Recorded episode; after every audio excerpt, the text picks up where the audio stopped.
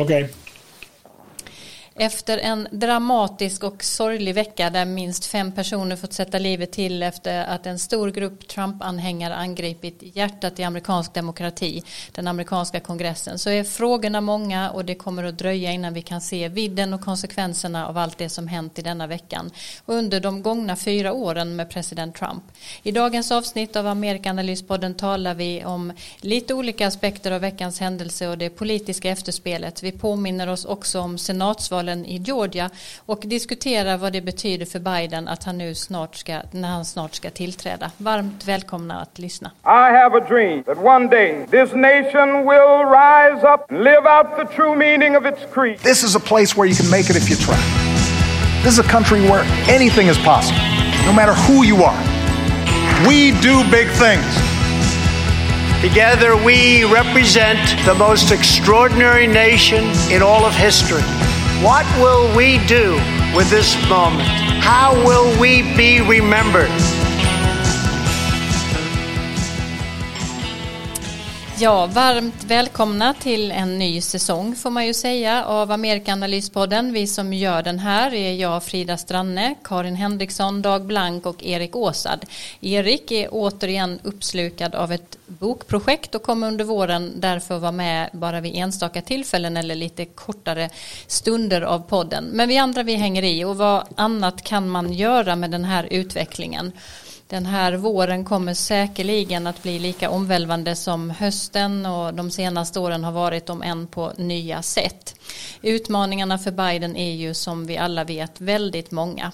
Det här är ju då säsongens första avsnitt och gott nytt år måste jag säga till er Karin och Dagu. Eh, men annars eh, skippar vi väl småpratet idag för man kan inte prata väder och vind efter en sån här vecka. Vad är era spontana kommentarer till allt Dag? Ja, det var ju väldigt omvälvande och upprörande scener som vi såg kablas ut från Washington här häromdagen när eh, Trump-anhängarna stormade in i kongressbyggnaden. Mm. Karin? Ja, först ska man också säga god fortsättning till våra lyssnare som vi hoppas få tillbaka och att de kommer fortsätta hänga med oss också. Men eh, Kort bara så är det ju naturligtvis att det har varit liksom obehagligheter nästan varje dag och eh, detta precis efter alla gott nytt års önskningar om att det här nya året måste i alla fall bli bättre än 2020. Mm. Eh, ja, det var det många som hade hoppats på och sen var vi bara några dagar in här på det nya året som ju då fick en, en minst sagt dramatisk inledning.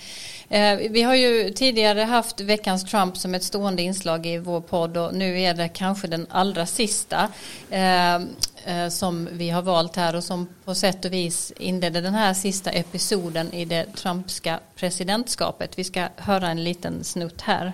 We have won this election in Georgia based on all of this. And there's there's nothing wrong with with saying that, Brad. You know, I mean, having the having a correct you, the people of Georgia are angry, and these numbers are going to be repeated on Monday night, along with others that we're going to have by that time, which are much more substantial even. And the people of Georgia are angry. The people of the country are angry, and there's nothing wrong with saying that. You know. Uh, that you've recalculated because uh, the 2,236 and absentee ballots. I mean, they're, they're all exact numbers that were were done by accounting firms, law firms, etc. And even if you cut them in half, cut them in half, and cut them in half again, it's more votes than we need. Well, Mr. President, the challenge that you have is the data you have is wrong.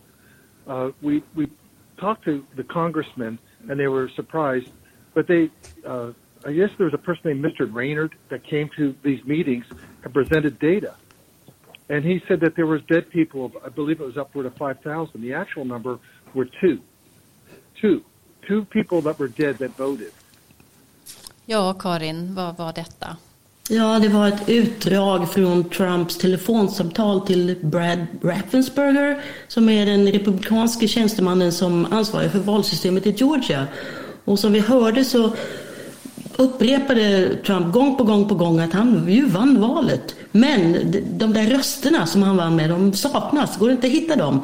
Och, eh, Och innehållet eh, läckte ut och man vet väl inte, det, ja, det finns beskrivningar av vad som hände men Raffensperger spelade in samtalet och ska ha blivit upprörd nästa dag när eh, Trump eh, påstod att Raffensperger hade sagt något annat än han faktiskt sa. Så, och hela det här på något sätt blev en utlösande faktor i kritiken mot Trump och hans vägran att erkänna sig besegrad.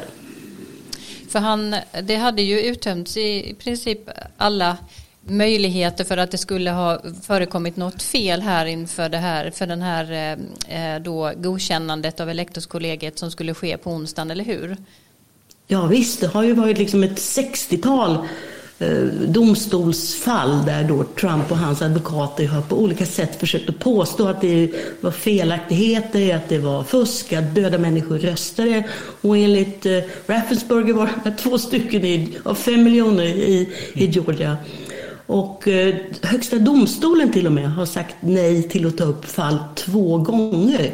Och då kan man ju tycka att man borde ge upp.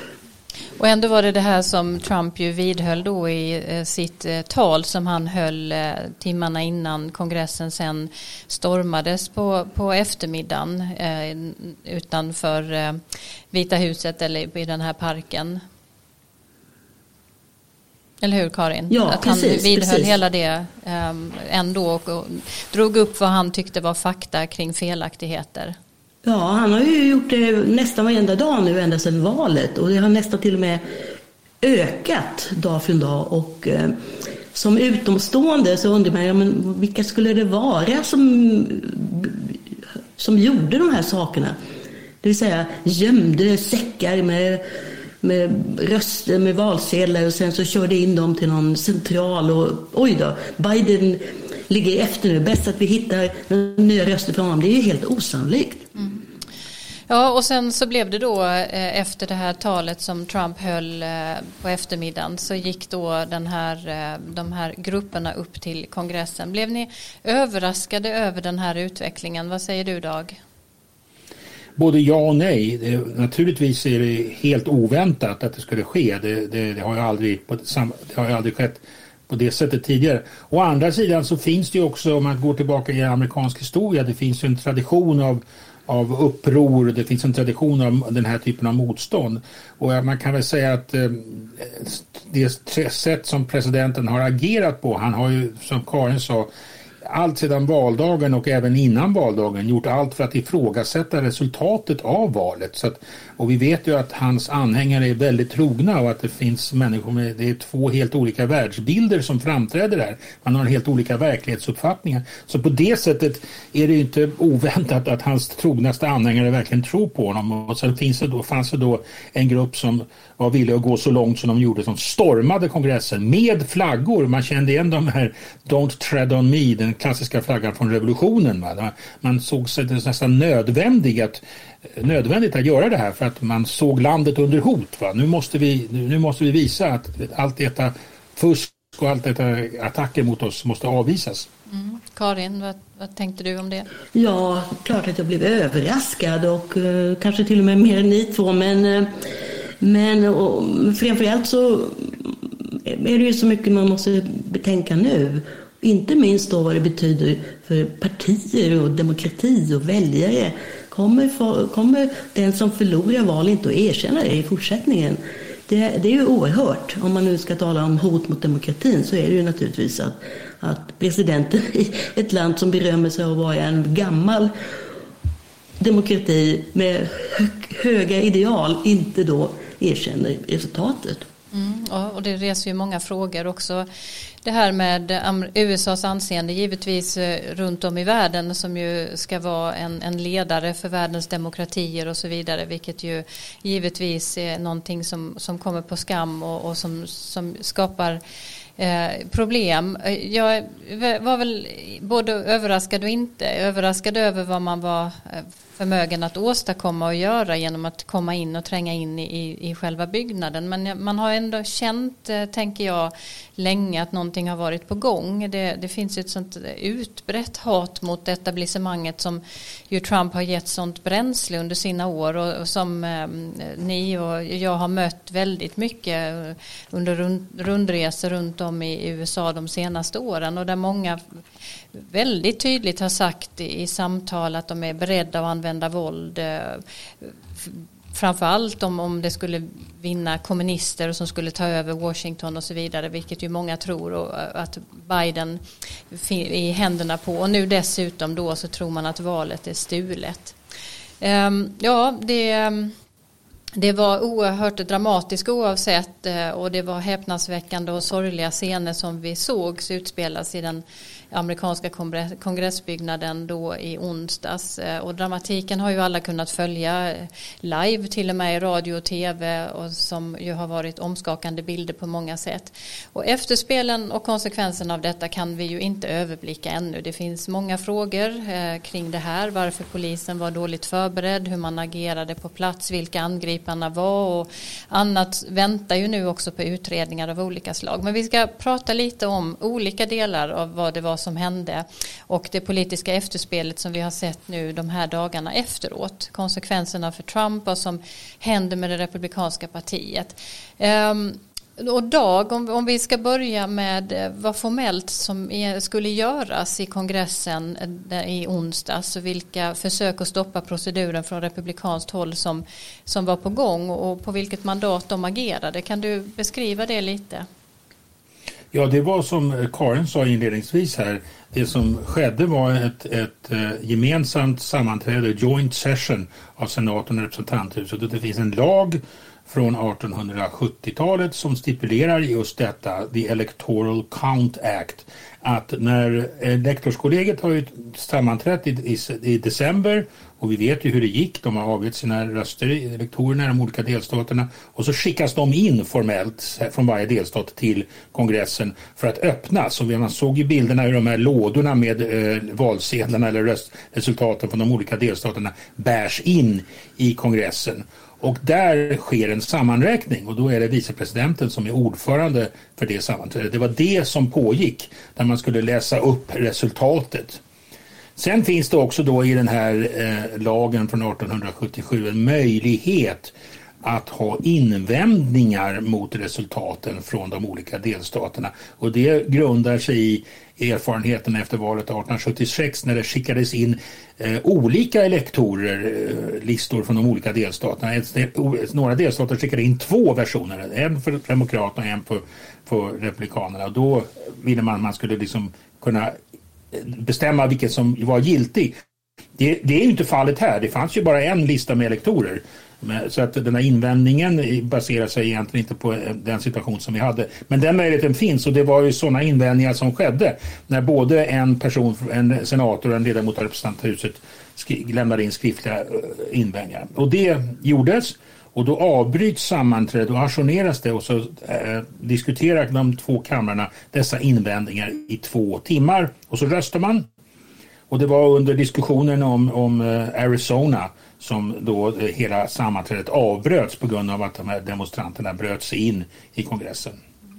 Ted Cruz har, har spelat en särskilt viktig roll i, i, i, detta. Hans namn nämns ju ofta. Ja, det, det, problemet har varit att eh, hit, tidigare under åren så har det varit väldigt ovanligt med de här invändningarna och att man hade dragit sig tillbaka och diskuterat dem då. Det krävs att det är en eh, sen, senator och en ledamot från representanthuset gemensamt lämnar in en. Och vi har, det har inte vanligt att man kan få ihop det. Så man, enskilda ledamöter från representanthuset har haft invändningar men de avvisas om det inte finns någon från senaten också. Men nu eh, så hade Ted Cruz gått ut eh, tydligt och tidigt och även Josh Hawley Eh, senatorn från Missouri sagt att vi kommer att biträda invändningar från representanthuset.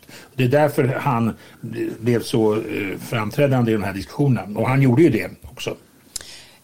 Jag måste fråga, har det, har det då handlat om att de juridiska processerna som har varit i de olika delstaterna, att man då inte har uppfattat dem giltiga? Att de på något sätt har, har, inte har beaktat alla fakta? Eller vad är det som har varit själva invändningen?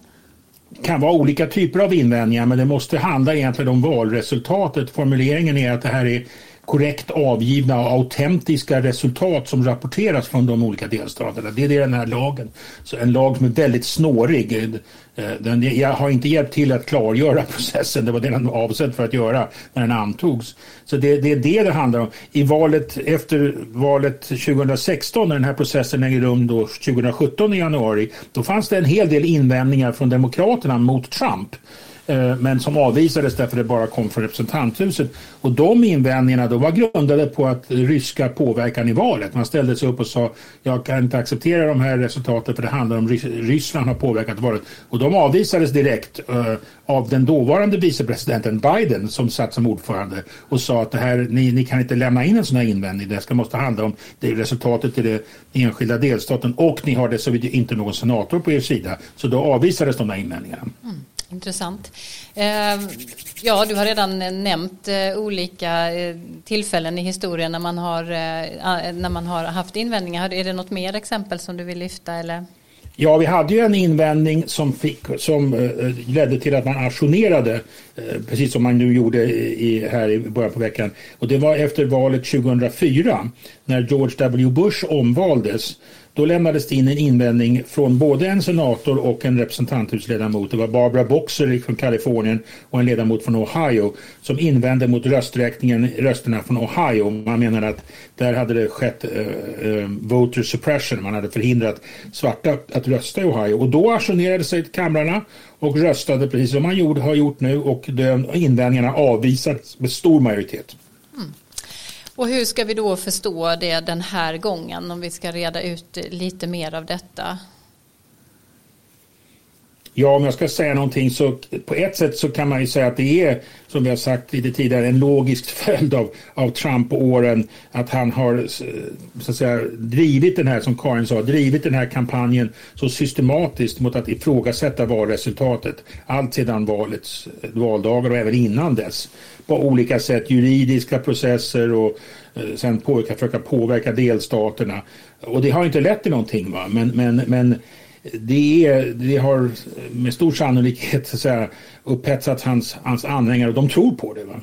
Sen kan man ju också säga en annan observation är det här har varit en enorm stor kris för, för USA och för Trump och för hela systemet. Och många sa ju det att Eh, president, när han tillträdde att vi ska se hur han testas i, i krishantering. Det är då presidenterna testas så att säga. Och de har inte, han har inte varit en så framgångsrik krishanterare om man säger så. Pandemin är ju ett, ett bra exempel på det och även alla raskonflikter som har, som har funnits under hans eh, period. Så att krishantering är inte heller hans starka sida. Han har inte, förmår inte hantera sådana här allvarliga situationer. Jag vet inte om detta är en fråga som går att svara på Karin, men eh, ska man tro att de här kongressledamöterna och senatorerna faktiskt eh, tror att det är, har förekommit valfusk trots alla de här juridiska processerna? Eller är det trycket ifrån väljare i valdistrikten som gör att man agerar på det här viset? Vad, vad tror du om det? Jag tror faktiskt att det är mer trycket från Donald Trump och att eh, vi får väl se nu om det trycket avtar. För jag tror att det är många av de här eh, republikanerna ångrar sig när de såg vad som hände. Och eh, överhuvudtaget är det ju liksom en mätare på Trumps eh, personlighet och där finns ju faktiskt en del, till och med tidigare republikaner som har hoppat av som menar att, att Trump är en kultledare. Det, det, finns liksom, det passar in på en beskrivning av hur, hur, hur, en kult uppstår och vem som finansierar och vem som stöttar den. Och där nämns då till exempel Ted Cruz som alltså är en slags eh, ja, medhjälpare till Trump. Eh, han har hoppat på Trump-tåget helt enkelt och vi får väl se då om han han, han är ju själv eh, elitutbildad på fina universitet och jurist och hur han då kan och han har vunnit själv och, och det valet accepterar han tydligen. Så att det, det, det är ju det ena då. Och det andra är ju att de här bilderna som vi såg tyder ju på att det är ju inte liksom vilka republikaner helst, som helst som, som tågade till kongressen utan det är ju då en liten falang i det amerikanska samhället och den har ju funnits i många, många år och poppar upp då och då. i till exempel, eller särskilt då i västra och nordvästra USA. Det finns ju sekter där som har eh, poppat upp som sagt. Och, eh, men ganska snart antingen ebbat ut eller ja, helt enkelt försvunnit. Eller besegrats på något sätt i domstol. Och eh, det här då får vi se nu vad som kommer hända. Men eh, till saken hör ju att, att Donald Trump har, har ju uppmuntrat de här strömningarna i samhället. Medan han kanske inte riktigt har förstått vad, vad det kan leda till. I så fall kanske han inte skulle ha sagt vad han sa då i onsdags. Nej.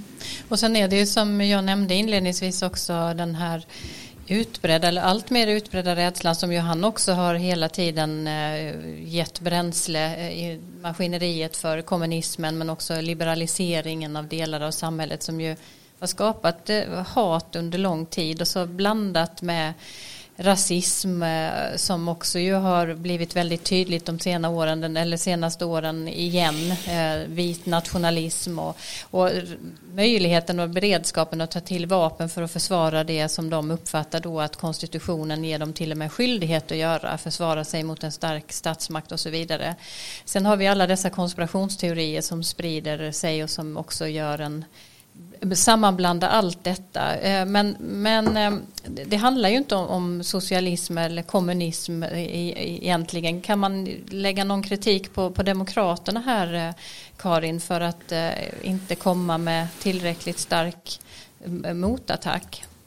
Ja, ja, det kan man verkligen. Det finns ett så här talesätt i USA som, som, där någon ställer frågan When did you stop beating your wife? Det betyder alltså, det är någonting som man inte kan försvara sig mot. Och det är lite, eftersom man aldrig har slagit sin fru, och varför ska man då behöva försvara sig? Men eh, med, eh, och det är samma sak här. Biden sa själv någon gång under valrörelsen typ, titta på mig, jag är det minst socialistiska ni kan tänka er.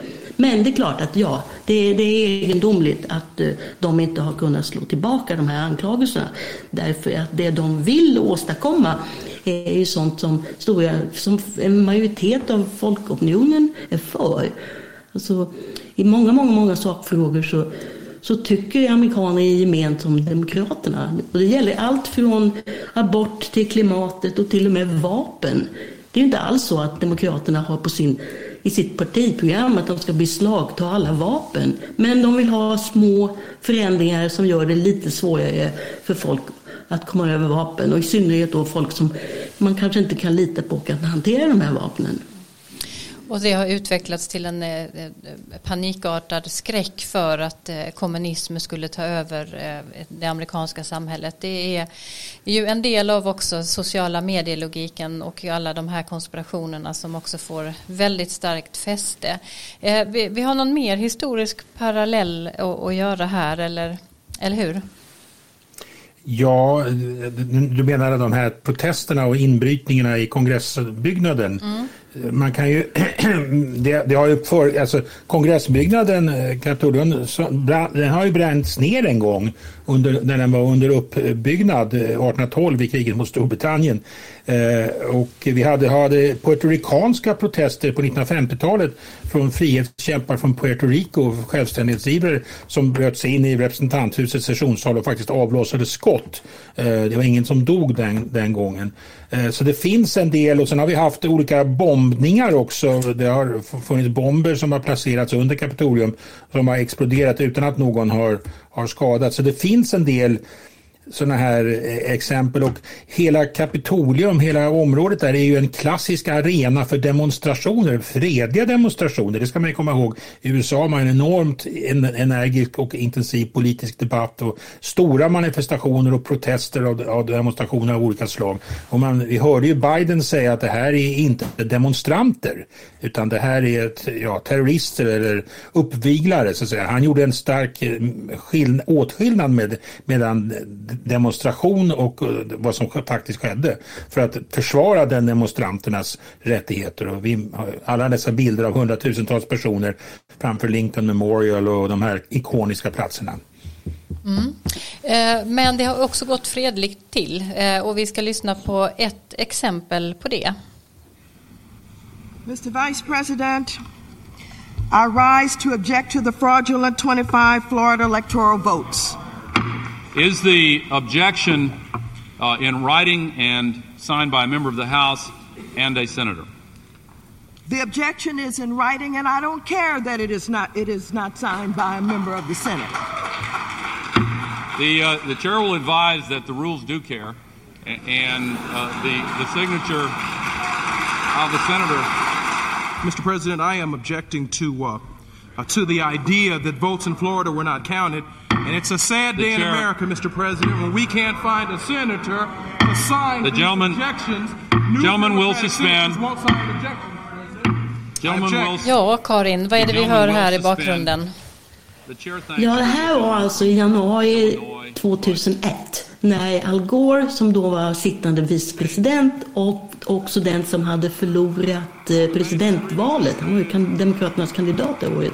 Och nu hade han Eh, den väldigt otacksamma uppgiften att sitta och presidera då över den här eh, formella presentationen eller räkningen av elektorsrösterna. Och även den gången som vi hörde här var det ju protester men ingen senator hade hoppat på det tåget och eh, då var det bara för Al Gore att bita i det sura äpplet och göra sitt jobb. Och det är ju det som Mike Pence också gjorde. Det var ju han, han förlorade ju också valet. Men, men som sagt, det, den gången var det ingen stormning av kongressen så att eh, det gick fredligt till. Nej. Och vid det tillfället också så hamnade, hade, hamnade man också i samma situation i, i eh, senaten med 50-50 som vi ska prata om en, om en liten stund här eh, som ju blir situationen nu också efter senatsvalen i Georgia. Men denna gången då alltså mitt i eh, denna process att godkänna elektorskollegiets röster så stormar då milisgrupper, terrorister, folkmord, vad man nu eh, ska kalla det in i Kapitolium. Eh, och det det har vi ju redan eh, nämnt och vi behöver inte beskriva vad som hände, vi har alla sett det. Eh, men eh, det har ju varit väldigt många olika protester och det brukar vara eh, det uppe vid Kapitolium vid flertal tillfällen. Jag har själv varit på plats flera gånger och är säker på att ni båda har varit det också. Och då brukar det ju vara massiva polispådrag. Det är väldigt mycket beväpnade vakter och det är det ju vanligtvis också när man bara ska besöka byggnaden. Eh, vad, vad, vad, var annorlunda här denna gången? Hur kunde det här hända, Karin? Ja, alltså jag vill först hålla med dig. Jag har också varit i Washington på massor av olika demonstrationer och massmöten och det, det är alltid flera led med poliser. Och i, kongress, eller, och jag tänkte också säga, Eh, när jag flyttade till USA i slutet av 1980-talet var det oerhört öppet. över. Man kunde nästan promenera in var som helst. I skyskrapor i New York eller i myndighetsbyggnader i, eh, i Washington. Men det där ändrades då efter terrorattentaten eh, 9-11. Så det är mycket svårare nu. Och vad gäller kongressen är det till och med ganska svårt för vanligt folk att, att bara besöka själva, liksom, man måste ha ett ärende helt enkelt. Och eh, som journalist då var man tvungen att ha ett eh, passerkort och gå igenom metalldetektorer. Och i det här fallet, det har vi ju säkert sagt redan, den 6 januari visste man att den här ceremonin skulle äga rum. Man visste att presidenten hade eldat upp sina anhängare. Man kunde ana att det skulle bli bråk utanför. Och eh, utredningarna av det här har väl redan börjat och det är ju chefen för eh, kongresspolisen har fått sparken. Likaså de som är ansvariga för säkerheten i stort alltså i, i kongressen. Så, eh, och, och de som bröt sig in kan vänta sig hårda straff.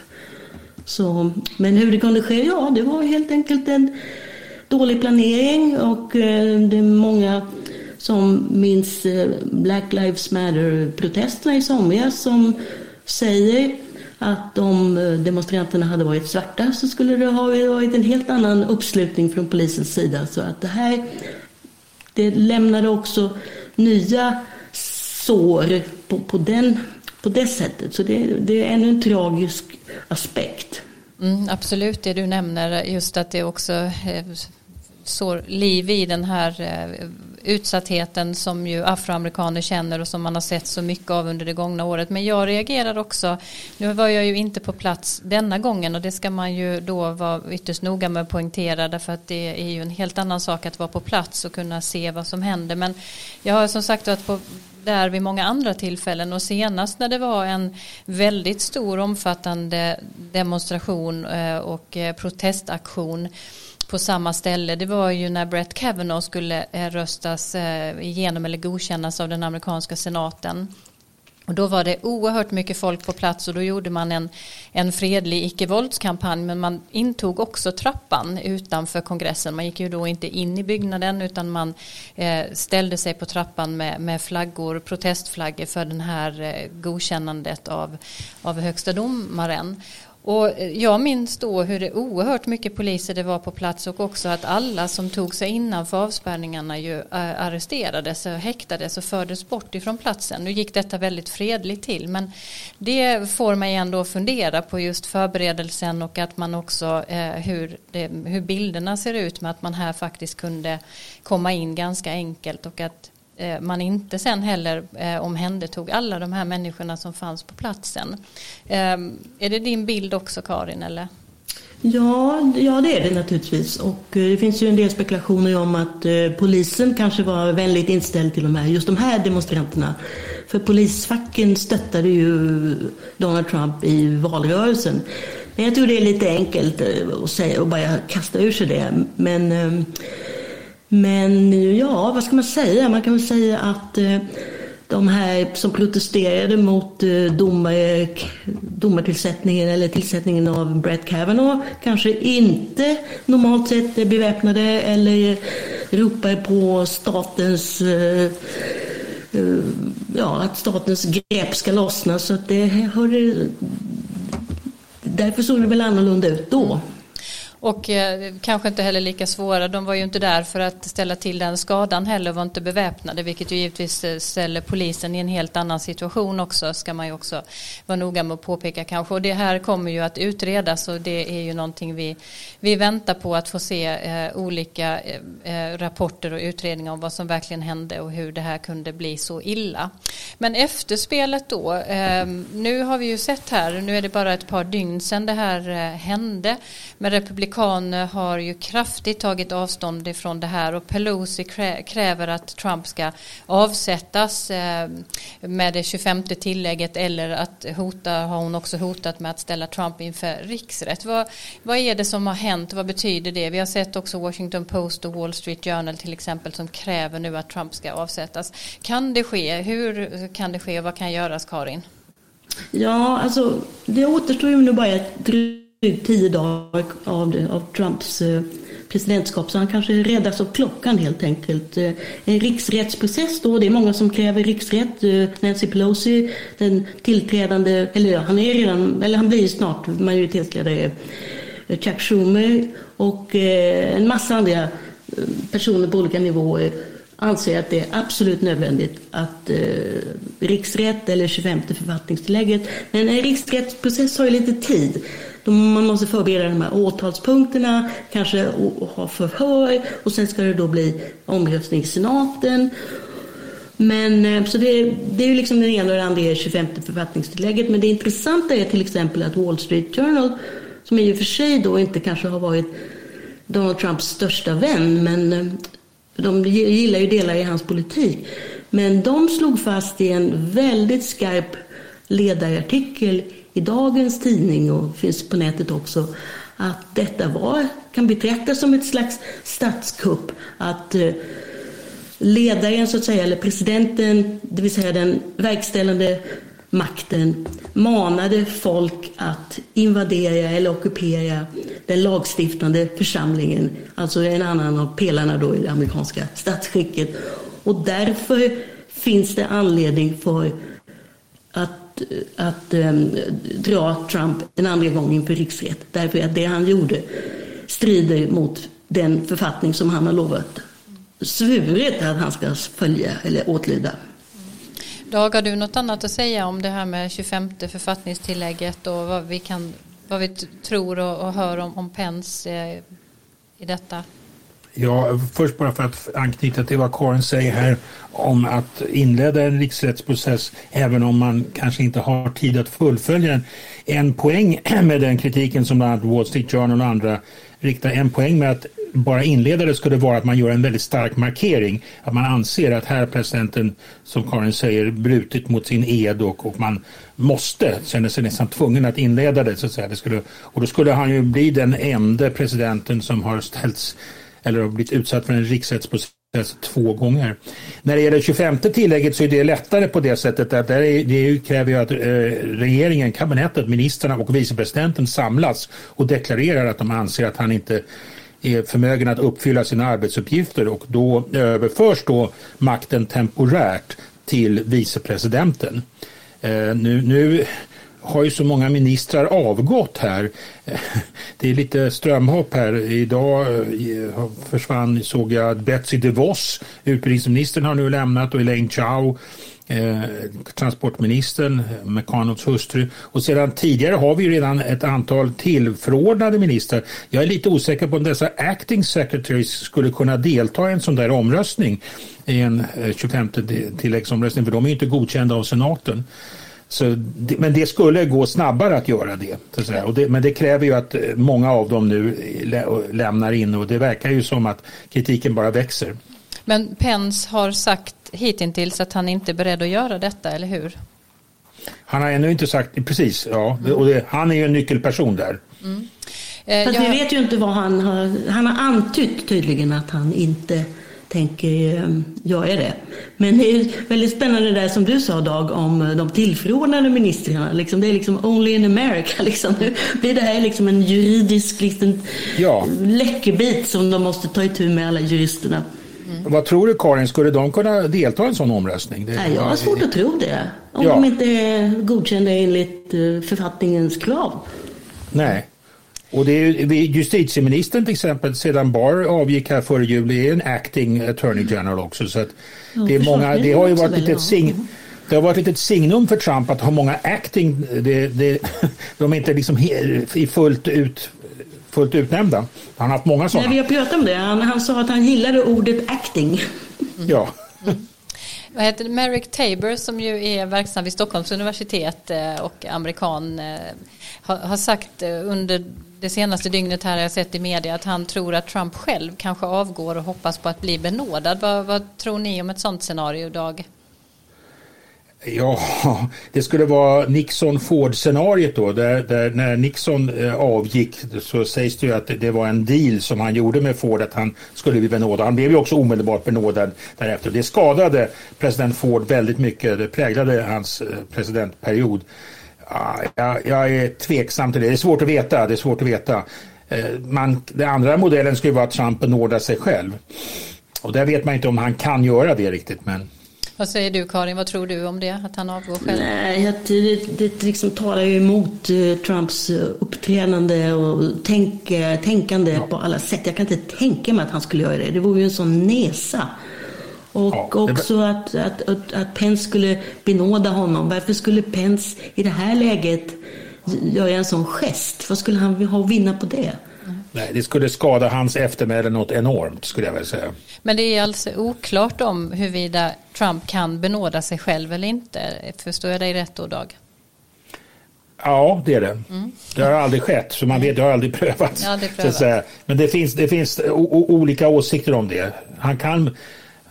Ford benådade ju Nixon och där benådade han ju Nixon för brott som han inte hade begått.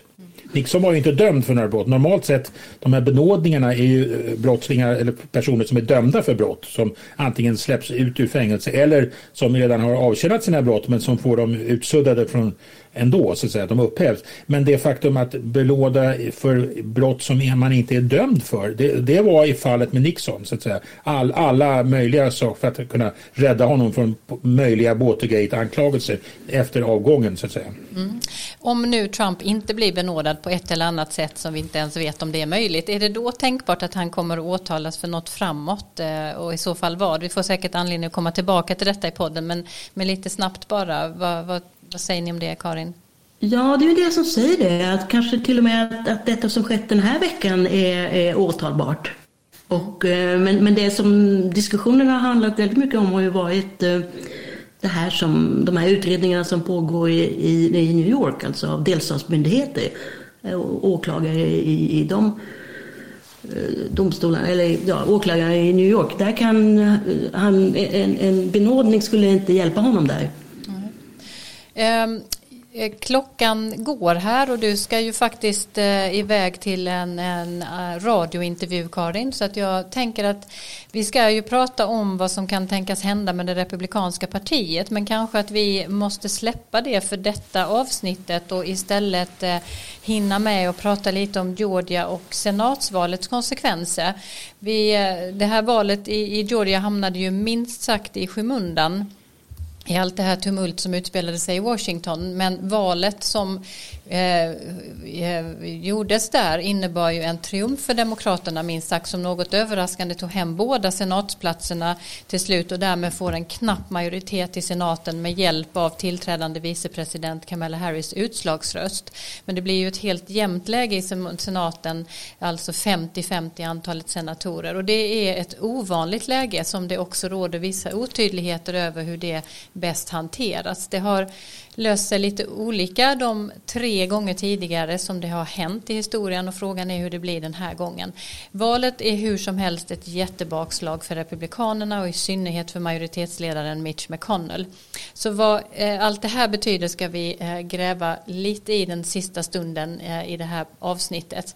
Eh, och Warnock var ju den eh, elfte svarta senatorn som också blev invald eh, här, en politisk novis. Så, men vi börjar med hur läget utifrån detta blir nu för, för Biden, Karin. Ja, alltså Joe Biden kunde ju verkligen andas ut. För att ett läge där Mitch McConnell hade behållit sin maktställning, om det ens hade varit bara 51-49 i hans eh, på hans sida mittgången så skulle det bli en repetition av det som Biden var med om när eh, han var Barack Obamas vicepresident. För att då bromsade McConnell eh, förslag från administrationen i alla lägen och ni kanske kommer ihåg att han också fastslog att hans ambition var att göra Barack Obama till en enperiodspresident. Och eh, Biden, man kan, han, jag tror kanske inte att han misstycker att han lite har hamnat i, i skuggan här nu. För att han kan ju nu i lugn och ro Eh, hålla på med sin ministerlista och tillsättningar. Och ehm, det kan då konstateras att han i princip har kandidater till alla topposterna utom CIA-chefen. Mm. Och eh, de måste vi också titta lite närmare på i något avsnitt framåt, vilka de är eh, och eh, vad hans olika utnämningar betyder. Och det är väl en av de sakerna som kommer, han verkligen kommer att ha lätt att få igenom nu sina utnämningar när han har senaten med sig. Att det inte kommer att bromsas eh, i någon nämnvärd utsträckning några, några viktiga personer som han utser i sitt kabinett. Kanske till och med att han också kan utse någon som kommer från vänsterfalangen i partiet eh, och få igenom det om han nu har den ambitionen. Det är ju en, ett vågspel för honom på många olika sätt. Eh, men Många tror samtidigt att det här betyder att Biden kommer att kunna driva igenom eh, alla sina ambitiösa politiska program. Men så enkelt är det ju inte Karin, eller hur? Nej, det är det verkligen inte. Men en del som du sa kan då klaras av mycket smidigare nu. Och det gäller då främst eh, tillsättningarna av ett par tusen personer som nu ska jobba i den nya förvaltningen. Och också så tror man att han kommer att kunna driva igenom ett nytt stimulanspaket och också infrastruktursatsningar. Det kan ske med hjälp av budgetprocessen. Så där behövs inte då 60 röster som man normalt, som man i svåra, eller som man i vissa fall måste ha för att eh, driva igenom någonting i senaten. Utan det räcker med en enkel majoritet. Och eh, här blir det också intressant att se hur Biden kommer att agera med tanke på sina egna erfarenheter från eh, 2009 när de tillträdde då mitt under den eh, hemska bostadskrisen, lånebubblan, krisen och om hur ambitiöst hans eh, stimulanspaket kommer att bli. Mm. Dag, vad säger du om läget och vad det innebär ja. för honom? Ja, precis som ni säger så är det ju en mycket bättre utgångspunkt än att ha en majoritet i senaten emot sig. Men det är ju ett jämnt läge och han kommer ju bli majoritetsledare och han kommer ju kunna kontrollera det som tas upp i senaten. Men han kommer ju också bli tvungen att göra någon typ av eh, uppdelning. Som senaste gången man hade den här situationen det var ju 2001 då och då var det ju Trent Lott och Tom Daschle. Trent Lott som var, som var republikan och majoritetsledare. Då hade republikanerna övertaget så att säga. Men jag såg en intervju med dem här på en tv-kanal där de reflekterade över hur de hade löst den här 50-50 situationen. Och lyssnar man på dem så det är bara 20 år sedan men det är som en annan värld hur de talade om hur de hade samarbetat och hur de hade utgångspunkten var att man skulle kunna lösa det här på ett bra sätt och att båda sidor skulle höras väl. Eh, vi får verkligen se om eh, vi kommer höra det mellan Schumer och McConnell. Hittills har vi ju, precis som Karin sa när det gäller McConnell, han eh, har ju inte alls drivit den, den linjen någon, någon gång här under, i sitt samspel med olika demokratiska administrationer. Nej. En sak till eh, värd att notera är ju att eh, Även om Demokraterna har eh, nu kontroll över båda kamrarna så har ju majoriteten i representanthuset krympt. Republikanerna gjorde ju ett bra val där och det kommer inte bli lika lätt, alls lika lätt för Nancy Pelosi som det var under den förra mandatperioden att kontrollera representanthuset. Det är en rätt liten majoritet hon har så där måste man också manövrera ganska försiktigt. Ehm, det finns många olika stridiga viljor inom demokraterna i representanthuset. Mm, jag tror att det blev till slut bara fem, fem personers eh, marginal mm. eh, eller ledamöters marginal i, representanthuset vilket ju är väldigt lite.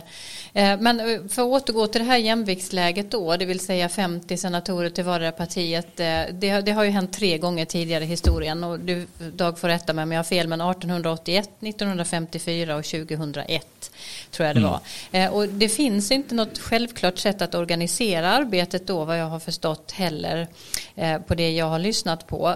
men något tillfälle så har man löst det med att ordförandeposterna har det fördelats mellan de båda partierna till exempel och det är en stor maktposition. Finns det någon förutsättning för att göra någonting sånt denna gången med det polariserade läget vi har? Ja, de måste komma till någon typ av uppgörelse och man kommer förmodligen titta på den eh, den modell som etablerades då 2001 senast. Alltså. Eh, man, eh, man ska ju dock notera att den stora fördelen som Demokraterna har är att Schumer kommer vara majoritetsledare och han sätter agendan. Det är ju den väldigt viktiga rollen som majoritetsledaren har som bestämmer vilka frågor som tas upp helt enkelt. Vi minns ju den, nu, den tillträdande justitieministern Merrick Garland. Det var ju Obamas nominer som nominerades av Obama till att efterträda Antonin Scalia i Högsta domstolen när Scalia dog under Obamas sista ämbetsperiod, eller sista år i, i, i, i, som president. Där vägrade McConnell att ens ta upp ärendet. Där visar makten för majoritetsledaren att, att sätta agendan. Han sa att här kommer en nominering enligt konstitutionen och McConnells svar var att vi, vi tänker inte ta upp ärendet. Nej. Eh, men just det här att fördela till exempel ordförandeposterna i utskottet det är ju en viktig maktposition också att, att vara ordförande i ett utskott, eller hur? Så det skulle ge en, en lite mer jämvikt. Vad, vad tänker du om det Karin? Har du något att tillägga där? Nej, jag håller med om vad ni båda har sagt. Det kommer ju handla om nu vilka förhandlingar de driver och, och, och, vem som vinner då. Just, och där har ju Demokraterna förmodligen ett övertag för de lär ju kunna kräva Eh, post, alltså ordförandeposterna i de riktigt tunga utskotten. Mm. Eh, kan det inte vara också en väldigt viktig signal om man nu framförallt utifrån den här senaste dagarnas dramatik menar allvar med att vilja samarbeta över partigränserna att man verkligen löser det så och att det kanske finns ett större incitament nu efter allt detta att faktiskt försöka hitta en, ett, eh, en, en bredd i detta arbetet. Vad tror ni om det, Karin? Ja, om jag får säga något först då. Ja, man skulle kanske kunna tro det. Och väljarna brukar ofta säga att de önskar att de där kongresspolitikerna skulle sluta käbbla och komma överens. Men eh, min erfarenhet är att eh, pratet om kompromisser och partiöverskridande samarbete, det är en illusion. Det sker mycket, mycket sällan och ofta i så fall antingen att det är någon ganska perifer fråga eller någon fråga där alla vinner på att eh, klubba beslutet eller att de måste. Det finns ju ofta uppsatta deadlines för till exempel när, när en budget måste mm. klubbas. Och um, nu har vi vet ju i och för sig då att Joe Biden har ju lång erfarenhet i kongressen och är känd som en duktig förhandlare. Så det är ju möjligt att han har eh, bättre förutsättningar än, än vad Barack Obama hade. Han är ju liksom en samförståndspolitiker i sig. Men eh, Dag var ju inne på att 20 år sedan ter sig som en helt annan värld. Och det gäller ju även för Biden, det är ju länge sedan han avgick. Så att, eh, och sen får man också komma ihåg, jag tycker man glömmer det ibland, att eh, partierna står ju enormt långt ifrån varandra ideologiskt. Och det det handlar om är ju makt. Och där får ju Demokraterna rådet att de snarare ska bli tuffare, hårdare och vara lika, lika envisa och driva sina frågor som Republikanerna brukar vara. Vad säger du Dag? Man kan ju också man kan ju se det som någon form av eh, sista möjlighet här. Är det någon som ska kunna ena med tanke på Bidens långa eh, historia och att han är just eh, mer diplomat kanske egentligen än någon som driver sakpolitik hårt. Vad, vad, vad tror du om möjligheterna för en annan, ett annat klimat? Ja, han vill nog mycket gärna det och det är det han har sagt i valkampanjen och det vi har hört hans uttalanden nu senaste dagarna. Han försöker ena men jag håller med Karin, det kommer, det kommer bli mycket svårt och, och, och 20 år sedan är en mycket lång tid. Hans gamle chef Obama, han gick ju till val på precis det. Det är inte det röda Amerika, det är inte det blåa Amerika, det är ett Amerika. Och han hade inte så stor framgång i enandet av landet. Man, man kunde kunna säga kanske eh, för, för Biden att om man ska vara lite smart är att försöka hitta några frågor som, där det finns viss enighet. Att försöka börja i den änden, att inte välja eh, börja med, eh, han, måste, han har inte så lång tid på sig till nästa val, om två år är det val igen. Och, och då har vi en ny senat och då har vi ett nytt representanthus. Eh, men, men att ta en fråga som där det finns större möjligheter och jag skulle tro att infrastrukturfrågan är en sådan fråga.